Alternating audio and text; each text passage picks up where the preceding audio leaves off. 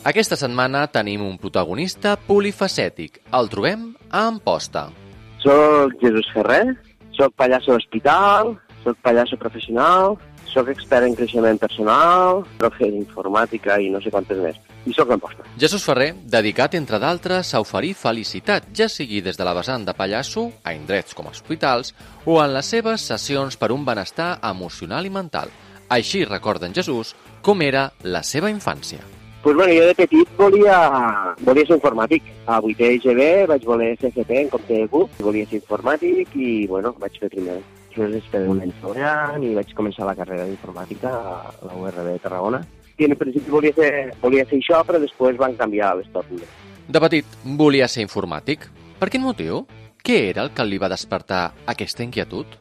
Bueno, és una cosa com a, com a un pèl tràgica, passa que he fet, he fet molt, de, molt de treball personal i és una cosa una mica tràgica que de sobte, a, arran d'una de, depressió infantil, em vaig, a, em vaig arraconar amb les màquines i, i de broma la meva psicòloga dir que les màquines em van fer de mare i, i bueno, tot això he fet molt de treball, molt de treball de, de teràpia, de creixement i tot això està sanat, però clar, va ser un cúmul d'errors, una cosa com molt.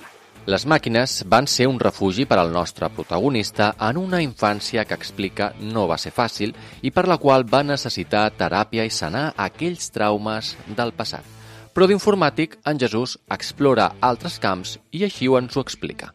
Bueno, a dels 40 vaig començar a estudiar teatre i després de 7 anys vaig provar diferents disciplines de teatre i, i volia fer drama, però, però assajant Mare Coratge, un dramón, la gent se feia un fort de riure quan ho sentia i em van dir, que tal comèdia, perquè això del drama no, no és tot. I bueno, ara xalo molt més fent de pallasso hospital, que, que no tinc ingressos, o fer de pallasso professional, que, que no tinc els ingressos que, que m'agradaria, perquè disfruto molt més de comunicador i gestionar les emocions que en si d'informàtic, l'únic que, clar, com que, com que és el que em dona més de diners, doncs ara sóc profe d'informàtica. He trobat un mig entre la vida anterior i la vida actual.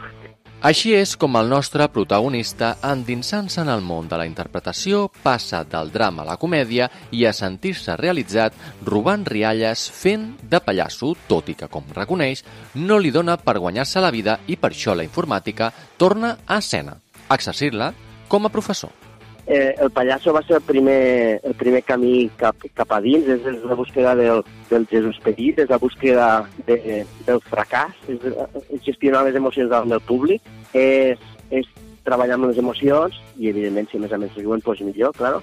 I, I és una zona molt delicada on la gent es pot mig posar trista i mig riure i, i, i se sent molt fràgil, però que disfruta molt. I, i m'han arribat a dir que la visita al pallasso de l'habitació pot arribar a ser el millor moment de la setmana i això fa una satisfacció grandíssima.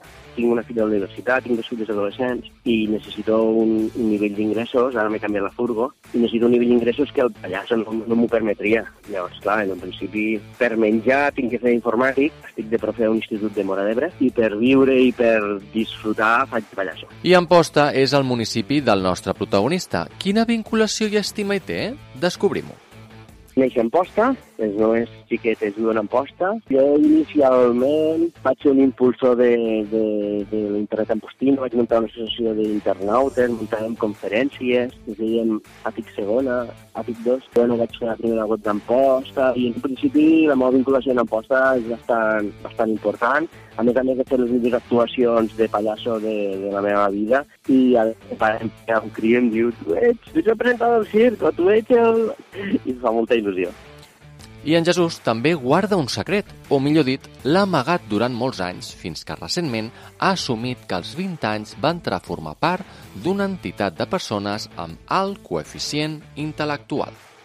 Sí, bueno, amb 20 anys vaig entrar a Mensa Ponés, una associació on està el 2% de la població més intel·ligent del, del planeta, i m'ho he explicat fins fa 4 o 5 mesos, ho estic explicant públicament. Sempre m'ha fet una vergonya horrorosa perquè perquè em feia temor, em feia temor que la gent em mirés malament i ara em fa molta gràcia perquè estic fent conferències i ara ja m'he venit arriba, ara ja m'és igual. Però sí, ha sigut una cosa com, com a que l'he portat, com a que no he sortit de l'armari i en un principi, clar, és que la gent no se sentia com... A mi la sensació que la gent no se sentia còmode dient, bueno, soc superdotat, els companys de feina, els companys, jo què sé, de tot, i, bueno, ara ja m'és igual i ara ja ho vaig explicar a totes bandes, forma part de mi, intento pensar menys i sentir més. I ara com si diguéssim rebutjo, rebutjo les decisions amb el cervell i intento, intento bueno, jo tanco els ulls, prendre la decisió, si el meu pizza eixampla, dic que sí, si el meu pizza arronsa, dic que no. I com va adonar-se o com va sorgir aquest estat del que, com diu, sentia temor a reconèixer i compartir-ho? En Jesús ens ho explica.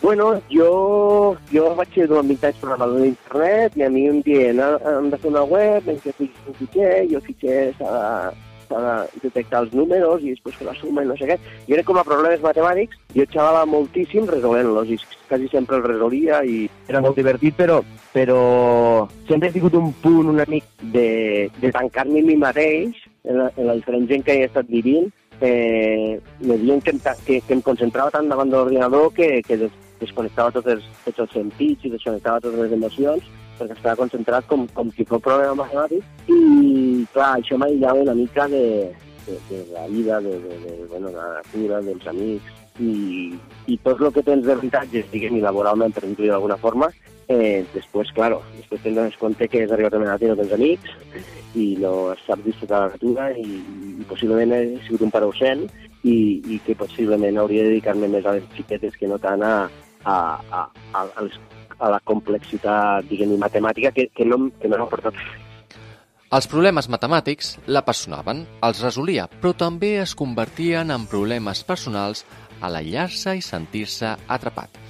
Avui dia en Jesús ha treballat per superar els seus traumes i emocions i està immers en ajudar els altres a trobar la felicitat. Sí, sí, estic fent una xerrada contra la felicitat, tinc un podcast, he estat un temps fent creixement personal i ara fa tres anys que em dedico al creixement espiritual, és un treball que faig personalment i sí, sí li, li desitjaria a tothom que, que, que sigués. Ara d'aquí un rato entraré en Posta Ràdio al meu podcast, l'episodi 44, me sembla, i sí, sí, intentem explicar com, com trobar la felicitat.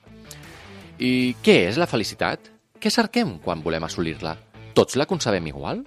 Ser feliç no vol dir no estar trist, ser feliç és, és sofrir menys, és, és perseguir la teva pau, que quan has d'estar trist, has d'estar trist, evidentment, quan ens toca viure aquestes coses, pues, pues, bueno, que van morir els pares, o, o si passen tragèdies, a vegades em quedo sense feina, a vegades em passen coses, i t'agafa una tristor, però, però és passar la tristor, traspassar, viure-la en tota la intensitat, perquè ja no es torna a repetir i, i disfrutes més de, dels bons moments i de la companyia i, bueno, és difícil d'escriure així en un minut.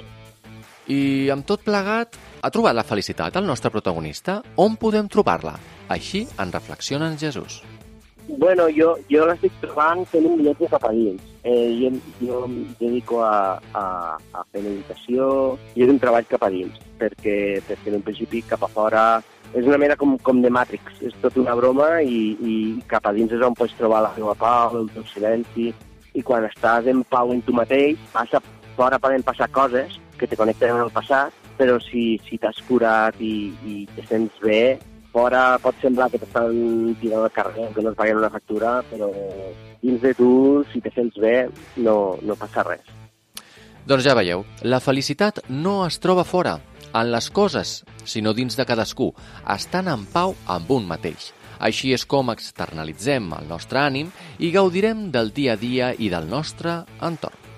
Jesús Ferrer, un informàtic, pallasso, cercador de felicitat i protagonista també del podcast de veïns de Carrer Major.